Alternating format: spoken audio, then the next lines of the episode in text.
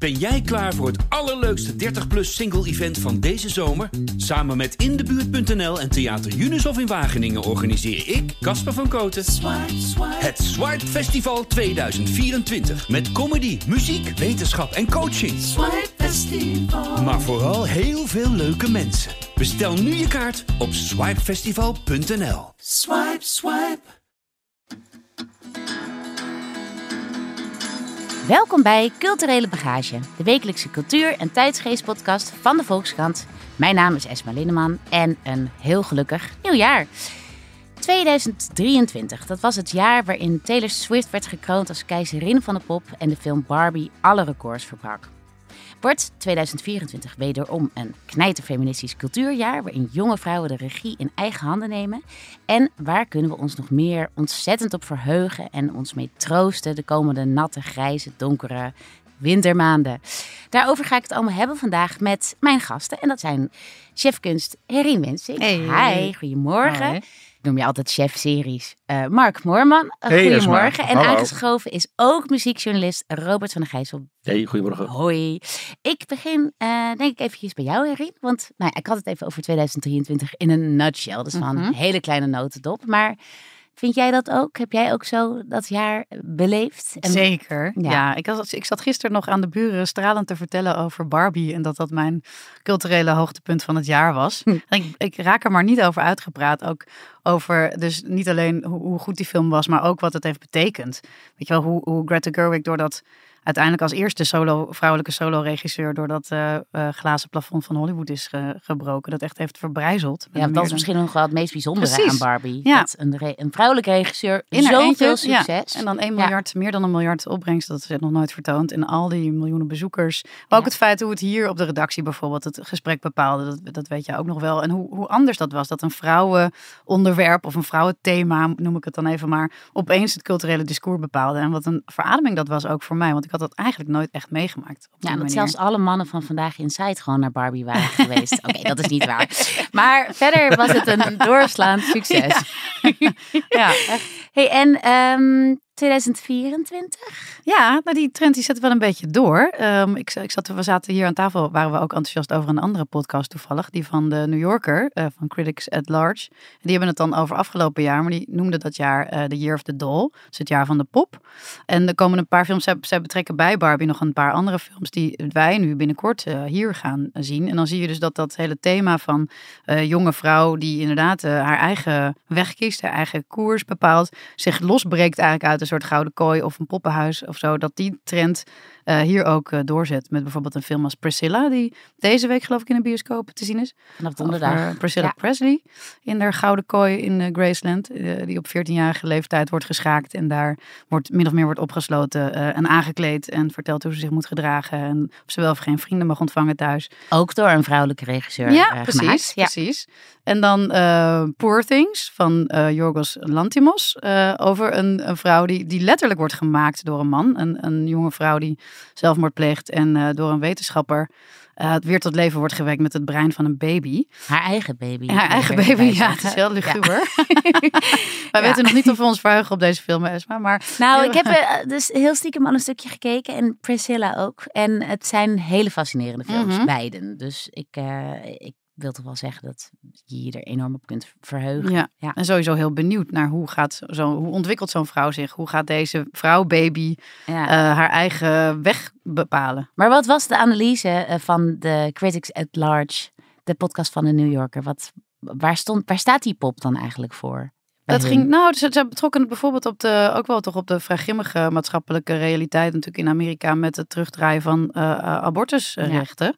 Eh, dus je kan je de vraag stellen van als, als de vrouw een pop is, wie, wie is de poppenspeler? Wie, wie gaat er over de pop? Wie beschikt er over haar lichaam? Ja. Is zij dat zelf of hebben andere mensen het voor het zeggen? En dat is natuurlijk steeds een vraag die in al die films ook terugkomt. Ja, En ja. eh, in een paar gevallen wel redelijk eh, met een hoopvolle uitkomst, namelijk dat zij het zelf bepaalt. En dat zij eh, losbreekt en haar eigen wetten bepaalt. Hey, en ehm, Robert van Gijssel, ik had het net over Taylor Swift. Mhm. Wij hebben ook een, eh, een, een, een aflevering over gemaakt. Over haar, nou ja, eh, Werelddominantie. werelddominantie, Ja. toch? Je Mhm. kunt het toch niet anders stellen? Ja. Ja. Die gaat door. Die gaat door. Voorspel ik. Die is ongeëvenaard. Nee, Ja. want je vertelde dat zij nu ook weer een nieuw record Ja, verbroken. dat is wel ja. een belangrijke, want eh, nou ja, er is dus heel veel oude muziek op de wereld en dat gaat maar door. En de afscheidstournees die duren tegenwoordig zeven jaar. Je had Ja. er vandaag een stuk over. Daar hadden we vandaag ook een, verhaal over. En dat Ook een trend, hè, Dat die is ook ook een trend en dat ja. komt volgend jaar, dat gaat maar door. De nostalgie is eh, overweldigend. Maar het record stond op naam van Elton John, die al zeven jaar aan het afscheid nemen is. met zijn farewell tour. en ik, ik zat me nog af te vragen waarom hij dat eigenlijk doet. Is dat puur om het geld? Dat kan ik me eigenlijk niet voorstellen, want hij heeft inmiddels een miljard opgehaald. Ja. Hoeveel meer eh, miljarden heb je nodig? Maar volgens mij houdt hij gewoon heel erg van zijn publiek.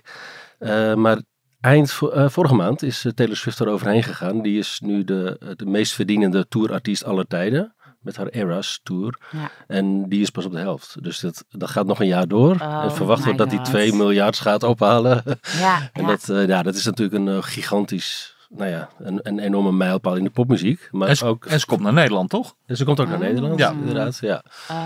En dat is natuurlijk een, eh, nou ja, dat is nooit vertoond. En dat door een, eh, een van de grootste popvrouwen aller tijden. Het is wel grappig Dat dat volgens mij wat, wat Taylor Swift is voor een hele generatie meisjes, was Barbie in zekere zin een beetje voor, voor mij of zo, misschien Ja. een vrouw van Ja. mijn generatie. Dat je dus echt een heel universum hebt als het ware, waarin je kan, je kan verliezen en waarin je kan opgaan, eh, wat, wat je hele wereld bepaalt, Precies. wat, wat, wat, waar je mee kan identificeren, waar je troost uit put, waar je en echt een, Zeker. en zo'n icoon had ik niet in mijn jeugd, zo'n zo'n vrouwelijke Nee, popster. ik vraag me bij Taylor Swift wel altijd af hoe, hoe groot haar bereik is. Of zij echt heel erg in haar generatie zit en vaak ook wel veel vrouwelijke fans heeft. Of dat zij ook uitstraalt naar heel veel oudere popliefhebbers. Geen Oudere mannelijke popliefhebbers. ja. Dat vind ik nog wel dat vind ik ook wel spannend om dat te volgen. een keer of tien in de top 2000 voorkwam, wat ook wel weer Ja. wonderlijk is. Zeker, ja. Er stond opmerkelijk veel eh, jonge muziek in. Ja, Dat- dat- ah, kijk, dat is een goed, eh, goed Ja. teken. Maar Is, er, is er iemand die haar nog naar de kroon kan steken dit jaar? Is, is er een andere vrouwelijke artiest? Dit jaar niet, denk ik. Maar Nee. die- er zijn wel eh, eh, Ze eh, zijn natuurlijk grote wel in de maak, die in, de, in de aantocht zijn. Olivia Rodrigo is er een van. Ja, vertel me even meer over haar, want ik, ik heb haar dus nog niet helemaal op het vizier. Zij is wel een het- voorbeeld van hoe snel het kan gaan met hele, Ja. jonge, hele jonge popvrouwen. Eh Billie Eilish was het eerste voorbeeld eigenlijk. Maar, ze- en zij is het tweede voorbeeld. Vanaf haar zeventiende heel snel, heel groot geworden. Met een eerste plaat. Ja. En die stond ook gelijk in de AVA's live. Daar was ik bij. En dat was helemaal niet goed. dat rammelde aan alle kanten. En dat- toch was er iedereen blij. Hè? Dat, is, dat was echt wel een leuke popshow. Maar het, het, het technisch ging het helemaal niet goed. En die staat nu wel in de Ziggo Dome. Ja. Dus dat, dat doet je ook wel eens afvragen of het niet te snel gaat voor een, voor een sommige... Niet, niet vrouwen, hoor, maar bij snel popsucces. Ja, en wel, hoe zou je haar Want- muziek beschrijven? Nou, eh, dat vind ik het leuke aan haar muziek. De, zij heeft de gitaar een beetje teruggebracht in de, in de pop, de poppunk. Ik zie een twinkel in je ogen. Ja, dat vind ik echt leuk. ja, het zijn hele catchy liedjes. Eh, Trouwens ook echt een generatieartiest. Die Ja. denk ik heel veel eh, mensen van haar generatie aanspreekt. Maar ook mensen van mijn generatie. Die houden van stevige gitaren. Ja, ja. Dat vind ik heel leuk aan haar. Zij, zij slaat echt wel een brug met een heel groot, eh breder publiek, denk ik.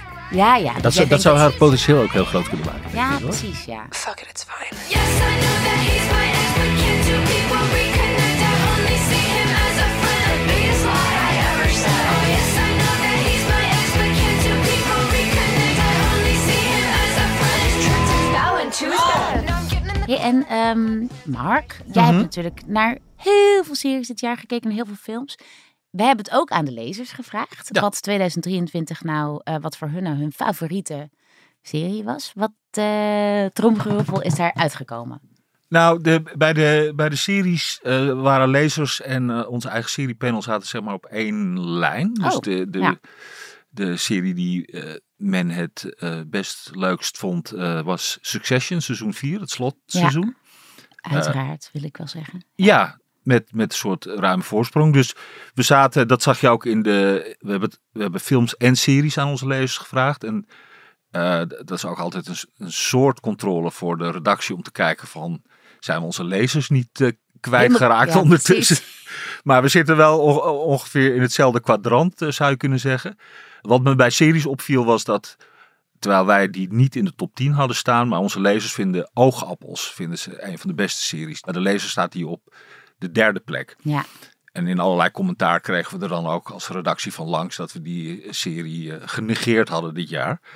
En hoe, hoe belangrijk die serie is, omdat het eigenlijk een van de weinige dingen is waar Nederlandse gezinnen zichzelf nog in herkennen op tv. En waar ze met elkaar naar kijken. Dus de, me- eh, de meerdere meer Dat generaties. intergenerationele, hè? Ja, Ja. precies. Dat je echt eh, Ja. met z'n allen er... eh, Nou ja, het feit dat het zo vaak genoemd werd, geeft aan dat dat kennelijk eh, eh, een uitzondering is tegenwoordig bij in het kijkgedrag. En Ja. oogappels brengt de mensen samen. En dat, eh, Mm. dat wilden de lezers ons toch wel even nog vertellen aan het eind van het jaar. Nou is eh, Succession natuurlijk eh, ja, best een nihilistische, maatschappijkritische ehm, ja, serie. Eh, gaan we dat in 2024 ook weer zien? Die toon of... Ja, ongetwijfeld. Ja, er worden heel vaak eh, de nieuwe series eh, de, het nieuwe Succession genoemd. Als er maar even een, een, een zakenfamilie wordt opgevoerd of er een opvolgingskwestie speelt, dan, dan, valt, dan heeft iedereen het weer over Succession. Ja. Maar goed, ik heb een van de eerste series die dit jaar gaat spelen, die ik zou willen aanbevelen, is een beetje in die sfeer, de, eh, de curse. Het gaat over, gaat he- heel veel. Het gaat, het gaat over Amerika nu. Eh, maar het gaat ook over een, een, een stel, eh, gespeeld door Nathan Fielder, die ook een van de schrijvers van de show is. En eh, Emma Stone, daar heb je er weer. Het wordt het jaar van Emma Stone, Het toch? wordt het jaar Ja, van Emma Stone, Zeker ja, absoluut, ja. ja. En eh, ze zijn een, een echtpaar wat in, in een stadje in New Mexico eh, goede werken aan het doen is. Zo zien zij dat. Ja.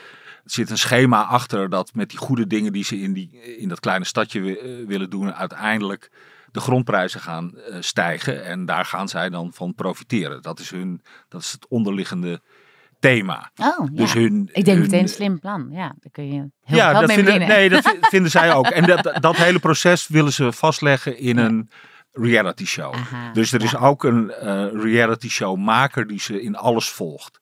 Eh, waarbij ze zich natuurlijk steeds hyper bewust zijn van hoe ze zich gedragen, hoe ze zich verhouden tot die mensen, hoe ze met elkaar praten. En elke spontaniteit eh, wordt op die manier uit hun relatie getrokken. Omdat ze voortdurend het gevoel hebben dat ze aan het optreden zijn. En met name Emma Stone is echt, echt briljant als een soort vrouw die onder voortdurende hoogspanning staat. In, de, in die ambitie om maar zo ehm, sympathiek mogelijk over te komen. Wat, wat op een catastrofale... Ja. En dat, eh, dat klinkt een beetje toch in de sfeer van... Het is niet in de sfeer van Succession, eh, maar het is wel weer die Nou, het is White Lotus-achtig ook. Ja, Ja, White het is Lotus-achtig spiegel. Het is gewoon een hele pijnlijke en rake analyse van, van de totale hypocrisie. Ja, ja, oké. Van deze Ja. mensen. En het is echt af en toe, eh, ik vind, het, ik vind het heel erg goed en fascinerend. En het is ook tegelijkertijd gewoon soms heel erg moeilijk om naar te kijken. Scènes gaan zo lang en zo pijnlijk door. Oh. En, en hoe, die twee, hoe die twee dat uitspelen. Ja. Ehm, nou ja, het is, het, het is eh, fascinerend. Hey, en eh, Mark, wat zo fijn was aan ehm, jouw tips, ik vroeg jou om, om jouw drie dingen waar jij je op verheugt, is dat ze allemaal al in januari te zien zijn. Wat voor Ja. mij altijd de meest depressieve maand ever is. Nou, januari Nou ja, op is- februari na, want dat is nog veel erger. Die is korter, gelukkig. februari is het allerergst. Eh, maar waar, waar zit jij je nog meer enorm op te verheugen? Nou, we krijgen. Nou, sowieso is januari een hele goede seriemaand. Misschien ook omdat. eh het was vorig jaar ook. Er kwamen er ook allemaal Niets grote dingen in- nieuws, in eh, januari. ja. ja. nee. Nou ja, dat is ook een beetje onze taak hier. Ehm, ook misschien omdat dat, dat in, in de filmhoek het dan iets rustiger is. Ja. En dat die streamers denken. Nou, nou, En mensen lekker veel binnen zitten. En toch? mensen zitten- Ja, gordijnen dicht, Ja. kachel aan, series kijken. Absoluut, ja. Ja, dus het andere grote ding wat half januari eh, te, eh, te zien is, is eh, de, na jaren eigenlijk, het vierde seizoen van True Detective. Met... Met Jodie Foster. Yay. En dat speelt zich dan, en dat past dan wel weer bij deze tijd van het jaar, speelt zich boven de Poolcirkel in de nacht af. en, Maar lekker. het is een- ik heb daar al, een aantal afleveringen van gezien en het, ik, ik vond het heel, eh, heel eh, gripping. Het heeft, eh, True Detective was altijd heel erg, ging over eh, m- eh, mannenvriendschap of mannenrelaties. Dat was altijd nogal een masculine toestand. En, en Een homosociale gebeurtenis, zeg maar. Ja. Ja. En, en hier is de, de, de, de schrijver en de regisseur en de hoofdrolspelers zijn vrouwen allemaal. Dus Hm, ja. we, krijgen een, we krijgen een heel ander perspectief op. eh, En toen, ik, toen ik naar de trailer keek, toen viel me aan mezelf op hoe ontzettend gehecht ik eigenlijk aan Jodie Foster Ja. ben. Terwijl ik weet niks van deze vrouw. Zij geeft nooit interviews, of tenminste, heb er nauwelijks eentje gelezen. Ik, ik weet eigenlijk nee, zij, zij Maar als ik alleen al haar stem hoor, dan, dan het voelt gewoon als een soort thuiskomen of zo. zij is heel. Diepe indruk gemaakt in een bepaalde ontvankelijke periode van je leven. ja. Zeker Toch? weten. Ja. Ja, ja. En zij heeft, want dit, dit is haar eerste tv-rol sinds ze een kind was. Zij heeft natuurlijk altijd films eh, gespeeld. Ze heeft ook wel eh, tv-dingen geregisseerd. Maar di- dit is eigenlijk de eerste hoofdrol die ze in een serie speelt.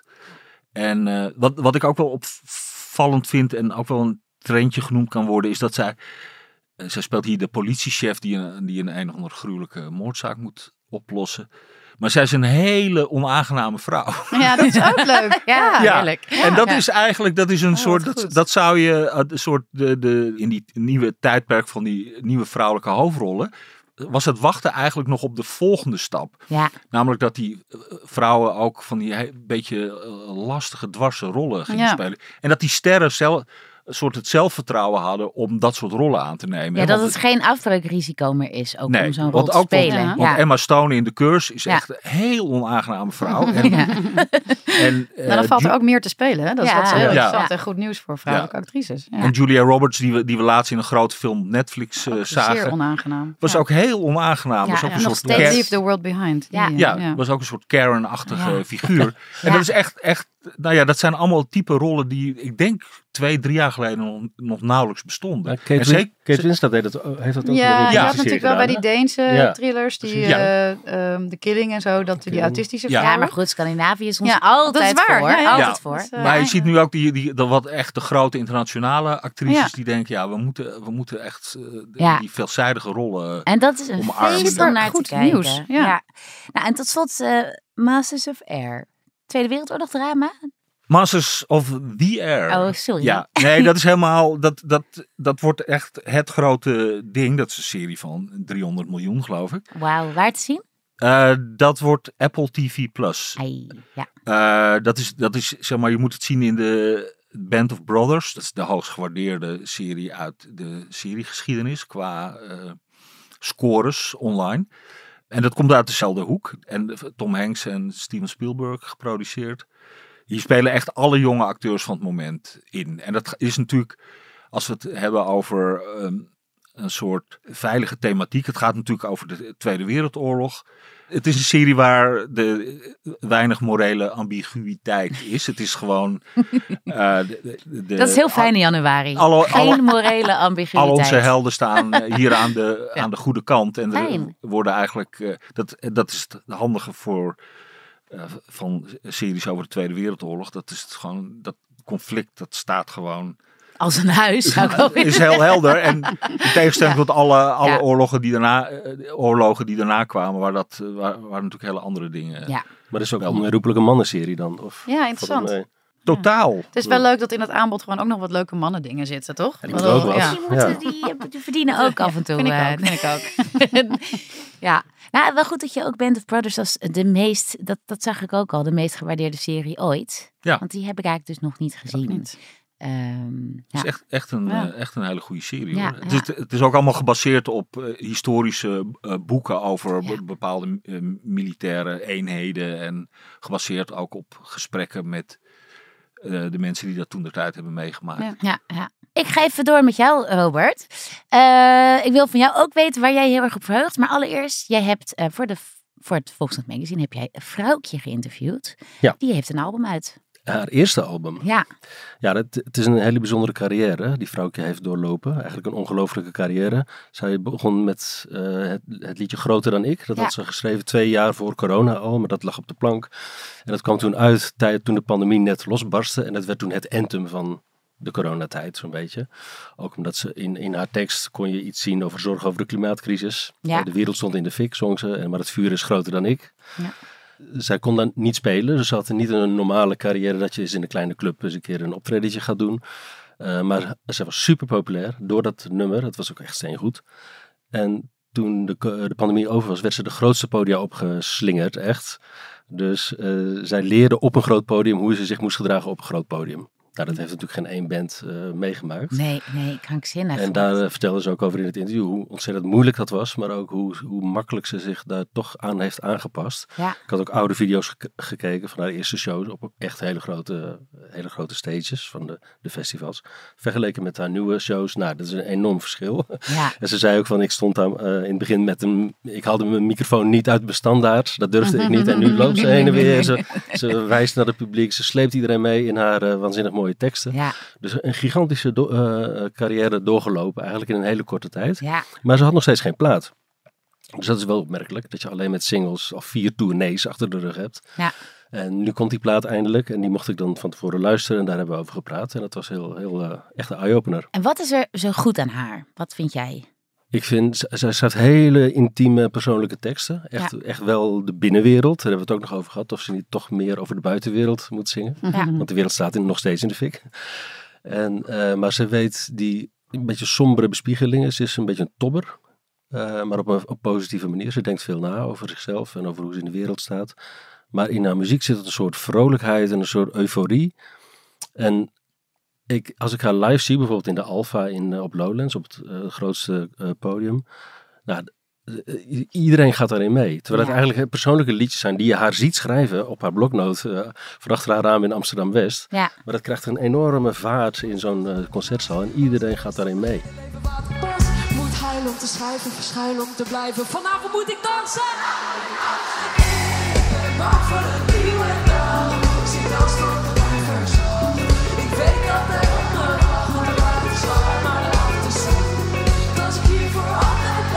Dat vind ik ongelooflijk. Die, die mix van verdrietigheid en euforie. ja.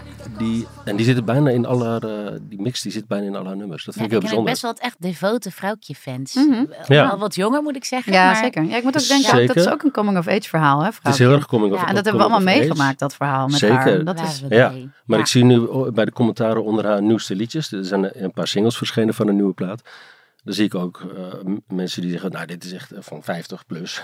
Zo van, ik ben eh, helemaal compleet overrompeld door jouw tekst die me zo heeft geholpen. Dus het is ook wel universeel invoelbaar wat zij Ja. Doormaakt in haar Zo hoofd. knap, want daar Ja. gaat het natuurlijk uiteindelijk Ja. bij muziek om. Of Precies. het binnenkomt. Ja, ja. Nou ja, en, dat en kan ik, zij dus ik denk heel dat, kijk, ieder jaar was haar jaar zo'n beetje, dat is het gekke. Maar ik denk dat dit nog meer haar jaar gaat worden. Want Ja. nou ja, de plaat verschijnt over twee weken. En dat zijn nou net een beetje als Taylor Swift ook de platenmaatschappij aan de kant gezet? Of hoe is dit ook weer gegaan? Met haar? Ja, nou, dat dat, is dat, dat is ook heel bijzonder. Zij zat bij Topnotch en eh, daar bracht ze haar EP's uit. Dus de eerste platen met, met een paar singles. En toen besloot ze van de een op de andere dag om daarmee te stoppen. En ik vroeg haar ook waarom. Ze zei, ja, ik wil gewoon vrij zijn om mijn eigen muzieksmaak te volgen. Ja. Toen dacht ik, oh ja, hm, zo werkt dat natuurlijk nog steeds. Hè? Topnotch die zegt, van, nou, doe jij maar eh, met die Mhm. producer een nummer maken. Want dat past goed in onze, in onze lijn voor het Ja. komende jaar. Ja. Zij zegt, ik ben nu klaar. Al mijn liedjes heb ik nu gemaakt. Misschien wil ik iets heel anders gaan doen. Ik wil demo's gaan maken. Ik wil met andere, andere mensen gaan spelen. En daar heb ik geen platenmaatschappij Mhm. bij nodig. Dus dat is ook een, een voorbeeld van iemand die de, die, nou ja, de macht gewoon naar zich toe Ja. trekt. En logisch, bepaald. want zij is vrouwtje. Haar naam staat op de poster. Zij schrijft alle liedjes. Zij, zij maakt haar nummers zelf. Zij zit ook nog in de studio achter de knoppen. Dus wie moet haar nog iets vertellen? Mhm. Ja. Dus dat is wel een, ook echt een voorbeeld van iemand die zich helemaal eh, aan die mannelijke muziekwereld onttrekt. Voor zover hij nog echt heel erg zo bestaat zoals hij vijf jaar of tien jaar geleden bestond. Ja. Maar eh, daar ook een risico mee loopt. En daar, daar is ze ook wel bang voor. Daar had ze het ook over. Eh, Ja, wat gaat er gebeuren? Als ik op mijn bek ga, dan ga ik goed op mijn bek. En dan moet ik eh al mijn Mhm. bandleden ontslaan, want dan heb ik niks meer. Ik ben een bedrijf. Ja, ja. Zij, mo- Ook zij, een zaak- Daarom kan ik, daarom kan ik nooit heel ja. succesvol worden, want In de dan moet muziek. ik mensen gaan ontslaan. Ja. Nee, nee. ja, Ik moet even denken nog aan in Priscilla, volgens mij in de eindscène zit ook een, even een, een soort gastoptreden van Dolly Parton. Dat vind ik gewoon fascinerend dat dat natuurlijk, dat het nummer I Will Always Love You, ehm, Elvis had dat altijd graag willen uitbrengen. Ja. En dat heeft Dolly Parton altijd geweigerd. En nu in de film over Priscilla klinkt het dan wel. Mag die muziek gebruikt worden in de film op het moment dat Priscilla vertrekt van Oh. Graceland? Ja, Ja. en het is natuurlijk ook een, een vrouw die het allemaal zelf heeft bepaald, Zeker, Dolly. Parton. En die, ja, Zeker. het is een heel symbolisch moment. Ja. En in 187 toch, met Jolien? ja, dat, ja, dat zou best kunnen, ja. Ja. Nou ja, het- Allebei die nummers in één nacht. en- my ja, god. ja. of in één dag. Maar Maar in ieder geval... speculatie of Sofia Coppola niet ook de biopic van Dolly Parton wilde wilde gaan maken, wat natuurlijk te gek zou zijn. Ja, nou daar zou ik me pas echt enorm op verheugen. Ja. Ja. Nee, we moeten nooit vergeten dat er hele grote popvrouwen zijn geweest in de, in de geschiedenis die het ook zelf hebben gemaakt Ja, en ja. gedaan. Het is heel verleidelijk om te denken dat, dat alles, alle, iedere grote popvrouw van nu een soort teken is van onze nieuwe tijd.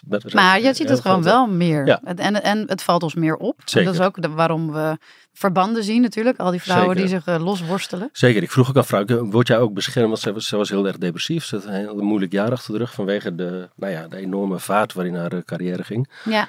En eh, vroeg of zij een goed team om zich heen had. En ze had echt helemaal niets te klagen over de muziekindustrie. Alle mensen die om haar heen, ze zegt, ik, heb, ik ken de rotte appels niet in de muziekindustrie op het moment. Dus ik denk dat dat wel een teken van de zal, tijd is. ja, precies. Het zal Dat- snel veranderen. dat denk ik ook. echt wel verandert Ja. op het moment hoor. Ja. Denk ik. Welke dingen verheug jij je nog meer op? Nou ja, ik, ik vond vo- eh, vorig jaar, want ik loop op veel festivals ook. En ik vond vorig jaar, eh, ik vond het allemaal veel te vrolijk wat ik eh, tegenkwam.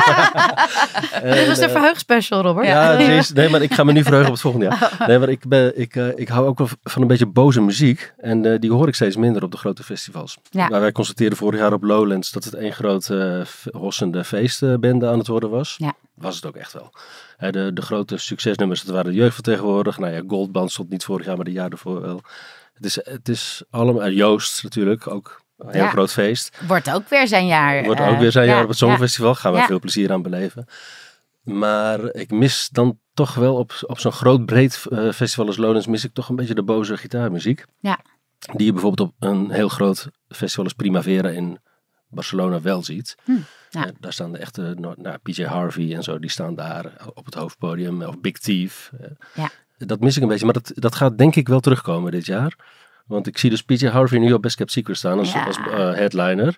Nou, dat vind ik een goed teken. En dat is een van de eerste festivals die een nieuw programma al helemaal zo'n beetje rond hebben. Laat het in godsnaam een voorbeeld zijn voor de anderen.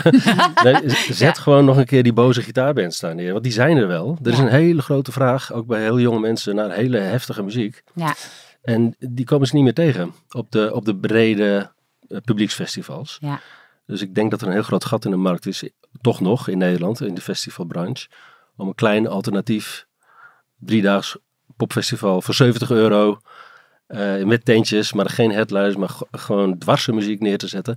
En ik denk dat daar geen oude mensen naartoe gaan, maar hele jonge mensen. Hm. En ik denk, Ja. nou, iedereen die daar eh, iets over te zeggen heeft, zou dat in zijn oren moeten knopen. Nou, en- en ik vind eh, dat jij gewoon mag afsluiten, Herin. Nou, goed, ja. Wat jij allemaal eh, de komende twee maanden, drie Ja, maanden, drie maanden allemaal. zoiets. Waar ik zin in heb. Waar heb je zin ik in? ga dan even door op de emancipatoire vrouwenverhalen. Ik had niet anders Ah. verwacht. Ja. Want we zagen ook eh, aangekondigd, en dat lijkt me ook geweldig, dat er een biopic van Amy Winehouse aan zit te komen. ja. April, mei.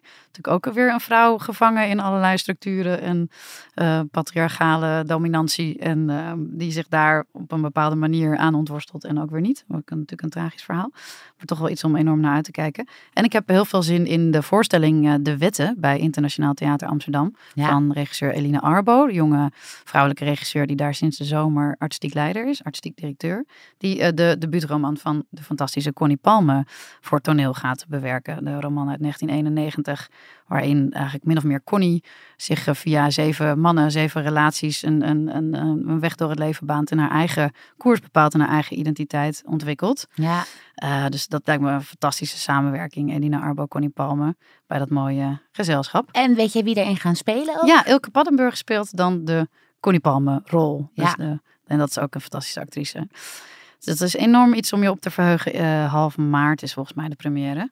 En dan zou ik eh, tot slot willen zeggen, denk ik, ja, Priscilla had ik al genoemd. Eh, ook interessant, ehm, feministische remakes van Shakespeare-klassiekers komend seizoen. Oeh. Namelijk Lady and Lord Macbeth bij eh, toneelgroep Suburbia in Almere. En dat is dan het Macbeth-verhaal, maar nu dan met meer focus op Lady Macbeth, die altijd een beetje op de achtergrond is gebleven. Ja. En de heks is die hem eh, boze eh, wensen en ambities influistert. En nu wordt er meer gefocust op, op haar verhaal. En zij wordt gespeeld door Joy Wilkins. En dat is ook een hele fantastische, interessante actrice. Nou, het jaar van heel veel vrouwen. In ieder Zeker. geval. Ja. Dank jullie wel voor jullie komst naar de studio. En nou ja, gaat dit allemaal zien en horen en luisteren. Ehm The Curse is te zien op. Op Sky Showtime. Ja, niks, aan, niks en, aan te en doen. niet nog op een ander. Nee. Druppelt dat nog door op een gegeven moment? Nou, misschien ooit. Oké. En True Detectives? HBO Max, Masters of the Air op Apple TV+. Plus. Oké, nou Priscilla draait vanaf 4 januari, morgen. In de bioscopen. Eh, de plaat van Vrouwtje. Volgens mij is daar al het een en ander van te horen misschien. Ja, er, is, er zijn drie singles van drie eh, inmiddels te beluisteren. En de plaat verschijnt half januari.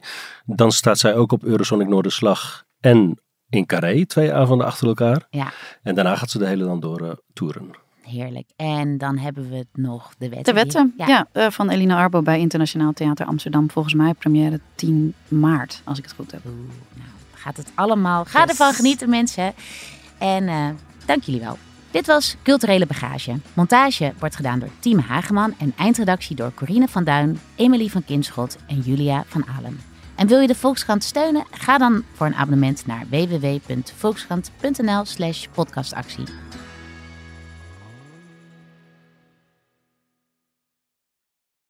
Ben jij klaar voor het allerleukste 30-plus single-event van deze zomer? Samen met Indebuurt.nl en Theater Junushof in Wageningen organiseer ik, Casper van Koten, het Swipe Festival 2024. Met comedy, muziek, wetenschap en coaching. Maar vooral heel veel leuke mensen. Bestel nu je kaart op swipefestival.nl. Swipe, swipe.